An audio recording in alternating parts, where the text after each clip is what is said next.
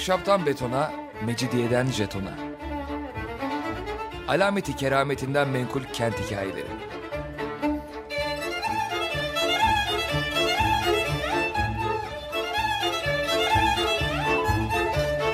Hazırlayan ve sunan Pınar Erkan.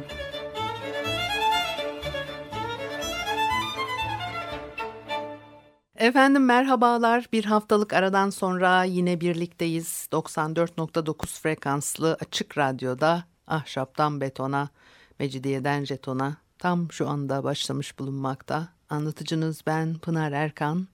Elektronik posta adresim pinarerkan.yahoo.co.uk Bakalım bugün programımızda ne var?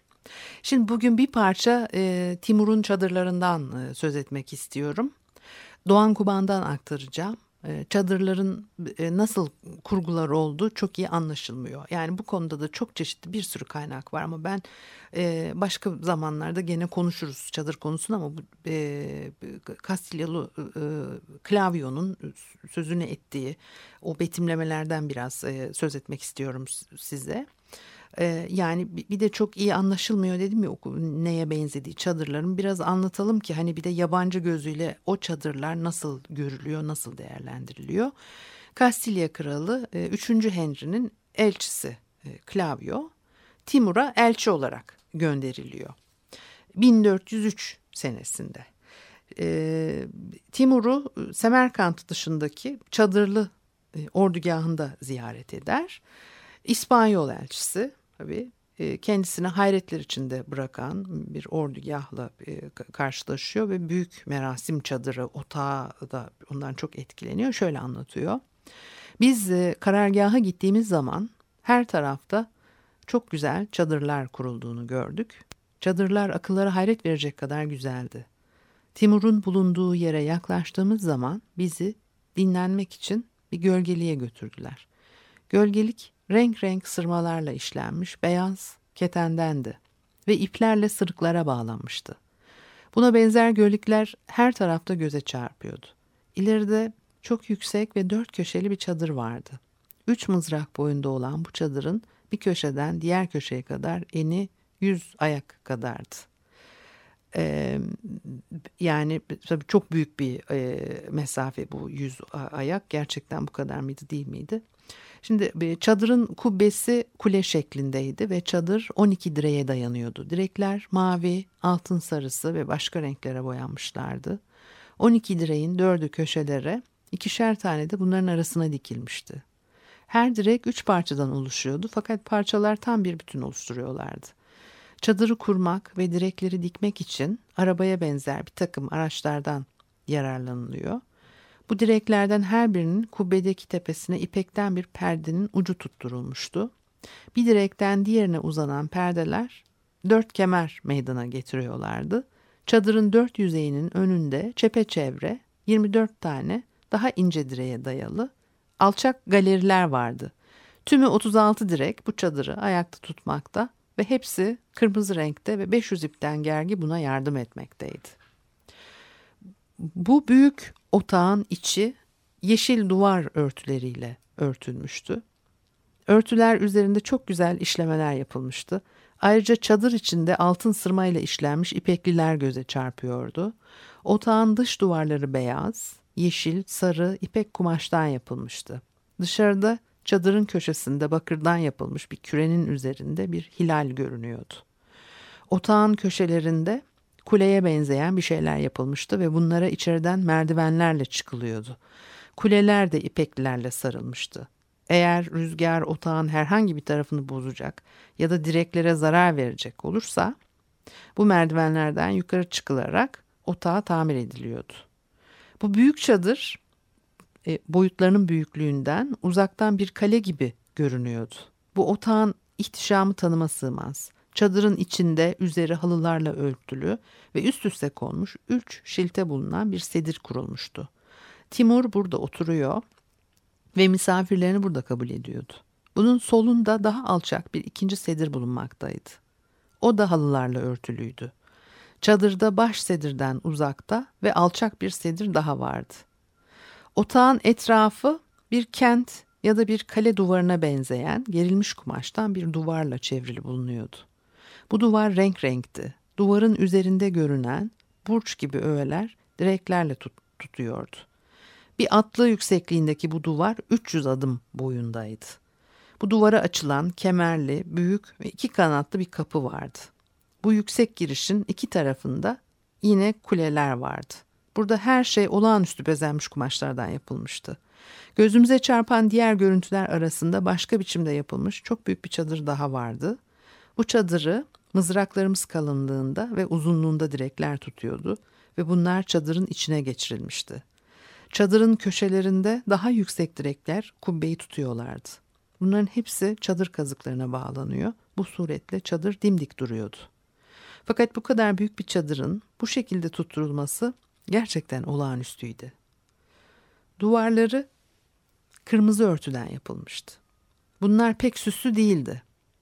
Biricik süsleri beyaz kurdelelerdi. Fakat bu kurdeleler avuç büyüklüğünde gümüşlerle tutturulmuş ve bu gümüşler de çeşit çeşit değerli taşlarla işlenmişti. Rüzgar estikçe bütün bunlar göze hoş gelen bir biçimde sallanıyorlardı. Bu çadırın yüksekçe bir girişi vardı ve kapıları da kapanıyordu. Bu kapılar küçük çubuklar üzerine geçilmiş örtülerden yapılmıştı. Kapıya giden yol üzerinde renk renk ipekliden bir gölgelik bulunuyordu. Bu örtü kapının önünde duranları gölgeden koruyordu. Bu gölgelik ileri geri götürülüyor ve bu suretle çadırın girişini de güneşe karşı korumuş oluyordu. Bunun yakınındaki diğer bir çadır da muhteşemdi. Daha sonra bir sırada kurulmuş ve geçitlerle birbirine bağlanmış dört çadır gördük. Böylece bir çadırdan diğerine geçiliyordu. Bu geçitlerin üzerleri kapalıydı. Aynı meydanda daha birçok çadır gördük. Bu meydanın yakınında etrafı ipekliden yapılmış duvarlarla çevrili bir meydan daha vardı. İpekliler Çin'i hissi verecek şekilde işlenmişti. Bu duvara bir takım pencereler açılmıştı. Bu pencerelerden göçme, geçme olanağı yoktu. Çünkü hepsi ipekten yapılmış ağlarla kapatılmıştı. Bu ikinci meydanın ortasında diğer çadıra benzeyen yüksek bir çadır kurulmuştu. Onun gibi kırmızı kumaştan yapılmıştı. Büyük çadırların genelde üç mızrak kadar yükseklikleri vardı. Yukarıda anlattığım çadırın tepesinde bir hayli büyük ve kanatları açılmış, gümüş kaplamalı bir kartal vardı. Bir buçuk kulaç aşağıda çadırın duvarı üzerinde gümüşle yaldızlanmış üç şahin resmi görülüyordu. Bunlar o derece ustalıkla yapılmışlardı ki şahinler sanki kartaldan korkmuş ve kaçmış gibi kanatları açılmış ve yüzleri kartala doğru çevrilmişti. Tanımladığımız bu iki çadırdan birincisi Timur'un baş kadını ya da büyük hanım diye tanınan karısının, ikincisi ise küçük hanım diye tanınan ikinci karısınındır. Klavyo e, büyük bir otağı etrafında e, perdelerle yapılmış bir meydan ve e, bu meydan içinde başka küçük çadırlar, gölgeliklerden oluşan çadır komplekslerinden 11 tane saydığını söylüyor. Bunların ve hepsi başka başka renklerdeymiş. Bu meydanlar birbirine o kadar yakındı ki dış duvarları arasında ancak bir yol mesafesi bırakılmıştı. Bütün bu otağlar ya Timur'un ya da torunlarının eşleri tarafından iskan edilmekteydi. Bu prenseslerle prensler Timur gibi yazında kışında burada oturmaktadırlar diyor. 15. yüzyılın başında e, çadırın toplum yaşamındaki e, e, rolünü göstermesi açısından e, tabii işte klavyonun gözlemleri ilginç. Belki şunu da yine onların arasına e, sayabiliriz. Timur'un torunlarından birinin düğünü için bir şölen veriliyor. E, düğün günü Timur bütün Semerkant tüccarlarının ve bütün esnafın, bütün kuyumcuların, aşçıların, kasapların, terzilerin, bütün sanatkarların davetli olduklarını ilan etti. Bunların hepsi de ordunun bulunduğu çayıra geleceklerdi. Şölene katılan bütün esnaf çadırlarını kuracak, eşyalarını orada satacaklardı kent onlardan boşalacak. Burada yeni bir kent kurulacaktı. Ee, şöleni böyle anlatıyor. Ee, sonradan tabii Osmanlı sultanlarının e, düğün şenliklerinde gördüğümüz gibi kentin tüm tüccar sanatkarlarının katıldığı bir toplantıya dönüşüyor o şenlik olması. e, o kadar önemsenmesi. Bir demek ki bir işte bir sürenlik orada var. E, fakat toplumun e, tabii bütün katmanları katılıyor e, bu şenliklere. E, ama toplantı kent içinde değil, işte çadırlı ordugah çevresinde gerçekleşiyor. E, gerçi Osmanlı padişahları da törenlerde çadır kuruyorlardı ve Klavyo e, bu törene davetli olarak gittiğinde gördüğü çadırların e, şimdiye kadar gördüklerinden daha da süslü ve güzel olduğunu söylüyor. E, anlaşılan çok sayıda çadır vardı. Herkes belki de e, bu şenliğin e, işte toplantının törenin cinsine göre farklı çadırlar kullanıyorlardı. Bir ara verelim ondan sonra devam edelim.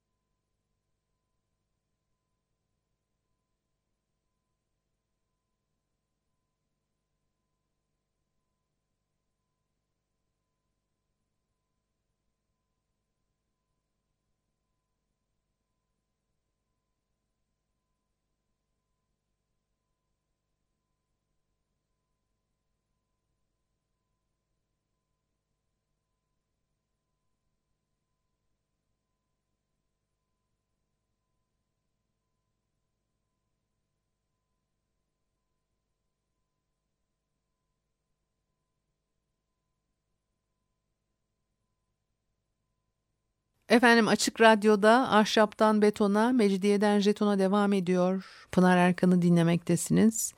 E, bugün Timur'un çadırlarını e, aktarıyorum bir parça size Doğan Kuban'dan. Aslında tabii Kastilya Kralı 3. Henry'nin elçisi e, Klavio Timur'a elçi olarak gönderilmiş ve onun yazdıkları e, çok kere e, enteresan bilgiler içerir ve e, kullanılır kaynak olarak. Timur'un çadırlarının tabii anlatımı, ifadeleri, yaptığı betimlemeler epey detaylı ve bize ilginç bilgiler veriyor. Onlardan biraz daha size devam edip aktarmak istiyorum. Şimdi çadırları kaplayan örtüler olağanüstü bir zenginlikte altın sırmayla işlenmişti. Dış bölmeler ve girişler diğer çadırlardan e, daha büyüktü. Her kapının üzerinde kemerli bir kubbe yükseliyordu. Kemeri taçlandıran bölümle kemer altın sırmayla işlenmişti. Kapanan kapılar da e, aynı şekilde altın sırmayla e, işlenmişti ve girişin üzerindeki orta bölüm dört köşeli bir kuleydi ve kulede perdelerle örtülmüştü. Meydanların birinde birkaç çadır bulunmuş. Her biri muhteşem e, bir şekilde süslenmiş. Bu meydana yakın olana e, olan ikinci bir meydan çevreleyen perde duvar, zeytuni adı verilen beyaz ipekten ve süssüz. Bunun da duvarlarında girişinde pencereler var. Meydanlarda çeşit çeşit çadırlar kurulmuş bir meydandan da ötekine kolayca geçmek mümkün. Ee, yani bu çadır mimarisinden çok etkilendiği belli klavyonun. Ee, bir, kenti gezen nasıl e, gördüğü ilgi çekici yapıları anlatırsa Klavyo'da e, böyle birbirinden farklı çadırları anlatıyor. Ee, yine Timur'un ordugahında başka bir ziyaretten söz ederken Büyük Hanım'ın çadırını anlatıyor. Dışı kırmızı ipekten bir kumaşla örtülmüştü. Sonra bunlar gümüşle, yaldızlı süslerle bezenmişti. Bu çadırın içi de dışı da olağanüstüydü. Çünkü istenmeyen bir tek noktası yoktu. Çadırın çifte kapıları vardı. Bu kapılar ard ardaydı. Kapıların her biri ince çubuklarla örtülmüş ve üzerlerine kül rengi ipekliler geçirilmişti. Onun için kapılar kapandığı zaman rüzgar girmiyor.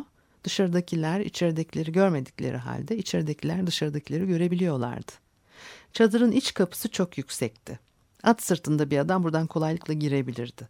Çifte kapılar gümüşle yaldızlanmış levhalar taşıyor ve bunların içine etrafı mavi renkte bezenmiş altın levhacıklar konulmuş bulunuyordu. Ee, çadırlar Bursa'dan e, getirilmiş. Ee, yani Timur Bursa'da Beyazıt'a ait bir hazine bulmuş. Ee, bunları onun içinden çıkarmıştı diye aktarıyor. Çadırların yani içindeki ortamın bu zenginliği, eşyaları anlatan da tabii çok ilginç cümleleri var. Çadırın ortasındaki bir sandık üzerinde kadehler ve tabaklar duruyordu. Bir insanın göğsü yüksekliğindeki bu sandık halis altındandı. Üzeri en görkemli şekilde işlenmiş, büyük inciler ve değerli elmaslarla süslenmişti. Kapağın ortasında büyük bir ceviz büyüklüğünde bir taş vardı. Bütün eşyalar altındandı. Bu sandığın karşısında iki karış yüksekliğinde altından yapılmış bir masa bulunuyordu. Bunlara yakın bir yerde altından bir ağaç göze çarpıyordu. Bir adam boyunda olan bu ağacın meyveleri yakut, zümrüt, zebercet ve firuzeydi. Dalların üstüne altından yapılmış küçük kuşlar konmuştu. Kuşların bir kısmı uçacak gibi kanatlarını açmıştı. Bir kısmı da henüz ağaca konar gibiydi. Bu ağacın gerisinde üstü gümüşle yaldızlanmış bir tahta perde geriliydi. Perdenin önünde bir sedir uzanıyordu. Sedirin üzerine yaprak ve çiçek resimleriyle süslü şilteler konmuştu. Çadırın öte tarafında da bir perde ve deri görülüyor ve yer ipek halılarla döşenmiş bulunuyordu. E, bu çadır kenti, çadırlar, e, ahşap e, direkler, renkli, işlemeli kumaşlar, altından yapılmış, mücevherlerle süslenmiş eşyalar çadırdan saray anlatıyor e, bize çadır mimarisiyle saray çevresinin e, ve ihtişamının yaratılmasına dikkat edildiğini e, görüyoruz burada.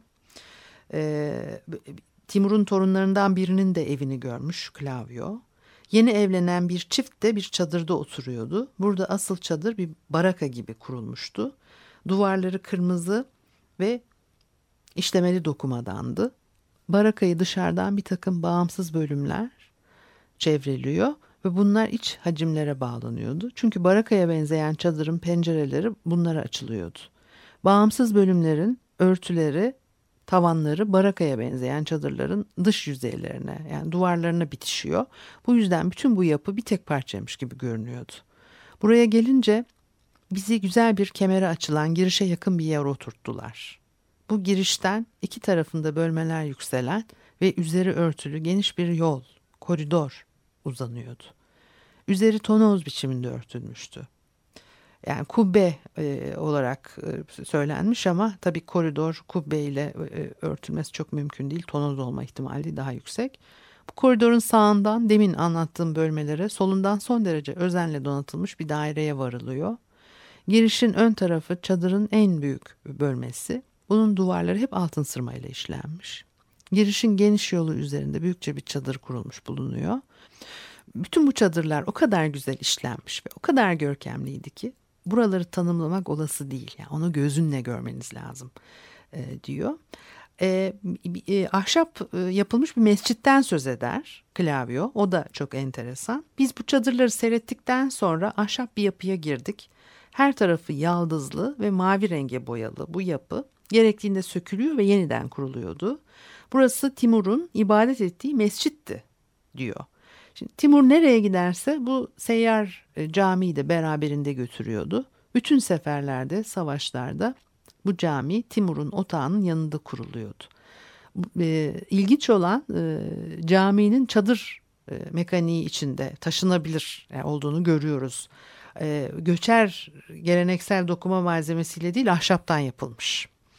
E, tabii bir e, simgesel tutum içerdiği de bu e, ifade edilir. Çünkü mescit yerleşmiş toplum göstergesi. E, Timur e, mescidinin çadır yani göçer yani pagana referans veren bir nitelikte olmasını istemiyor. Ee, saray karakterindeki otağlarını ve konutlarını dokumadan yaptırıyor. Ama söküp takılabilen mescidini ahşap bir yapı e, olarak görmek istiyor. 15. yüzyılın başında göçer olarak yaşamaya devam eden bir toplumun günlük yaşamı ve değişen inanç dünyası arasında böyle bir e, işte fiziksel ikilem e, kültür üzerinde tabii e, yeni e, yorumlarda da bulunulacak. Şimdi e, bir takım değişiklikler var manevi alanda gelenek görenek e, alışkanlıklar e, açısından fakat e, mimariye günlük kullanılan bir, takım biçimlere, formlara, malzemeye nasıl yansıyacak bu? Çok enteresan tabii. Şimdi Tabii çadır tasarımı geleneği de ahşap kuleden daha kolay. Oradan e, buraya toplumla birlikte taşınıyor. Sultanlar tabii sürekli savaşta bulunuyorlar. İşte o başkomutanlığı filan sürdürmeleri e, sebebiyle de böyle bir tabii durum söz konusu. Osmanlı saray tasarımının e, yüzyıllarca bir temel birim olarak köşke bağlı kalmaktan tabii vazgeçmemesi, çadır imgesinin tabii çok güçlü olmasına da bağlanabilir. Çadır geleneğinin yüzlerce e, yıl e, bu kadar güçlü yaşaması bizi kagir mimariyle çadır geleneği e, arasındaki o ilişkilere götürüyor. Merkezi planlı yapıların tasarımında da Timur'un çadırında anlatılana benzer taşıyıcı sistemler kullanıldığını biliyoruz. Yani çok ilginç bir örneklerden bir tanesi e, Çin mimarisinin ahşap yapı geleneğinden Pekin'de yapılmış gökyüzü altarı, e, klavyonun e, betimlemelerinde neredeyse buna tümüle uyan bir e, yapı. Buradaki kökeni de çadırda değil, o yerleşik toplum geleneğinde tabii olduğunu düşünmek. E, uygarlık gelişme tarihinin doğasına daha uygun. E, bu bağlamda tabii sorun sadece biçim ve strüktür değil, imge ve simge sorunu haline tabii dönüşüyor. Daha e, derinlere giden bir takım e, yaklaşımlar, uygulamalar, büyük bir politik örgütlenme ya da dinsel bir e, motivasyon olmadan göçer kabile şefinde böyle 30 metre çapında çadır yapma isteğinin oluşması tabii beklenemez e, dünyanın hiçbir göçer toplumunda yani Orta Asya ve göçer imparatorlukları dışında e, bu boyutlarda çadırlarında varlığı tabii e, söz konusu olmuyor. E, klavyonun işte tabii bu betimlediği çadır saray kompleksi sınırları, e, duvarları, surları hatta kuleleri, kapıları, tonoz kemerleri, e, büyük çadırların kubbeleri e, pek çok mimari unsuruyla beraber o revakları, güneşlikleri yerleşmiş toplum mimarisini birçok e, öğesini içeriyor. E, yani geçici, kalıcı iki e, ayrı tür mimarinin e, birlikte var olduğunu görüyoruz. Yani Timur'un yaşamının e, Karahanlılar gibi ailesiyle birlikte yaz kış hem de yaşlılığında çadırda geçirmesi, e, çadırlı fiziksel çevre düzeninin yerleşik çevre düzeniyle bir, bir, bir uyum içerisinde yaşadığını birbirlerini etkileyeceklerini e, düşündürüyor.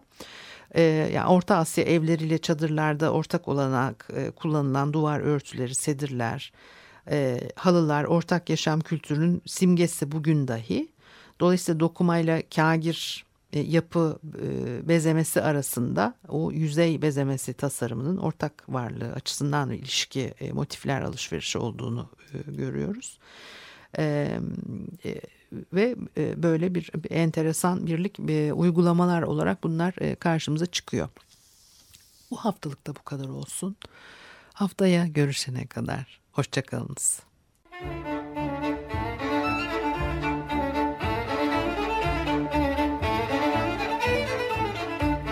Ahşaptan betona, mecidiyeden jetona.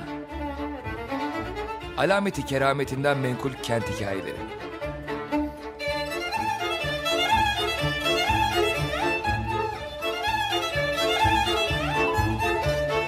Hazırlayan ve sunan Pınar Erkan.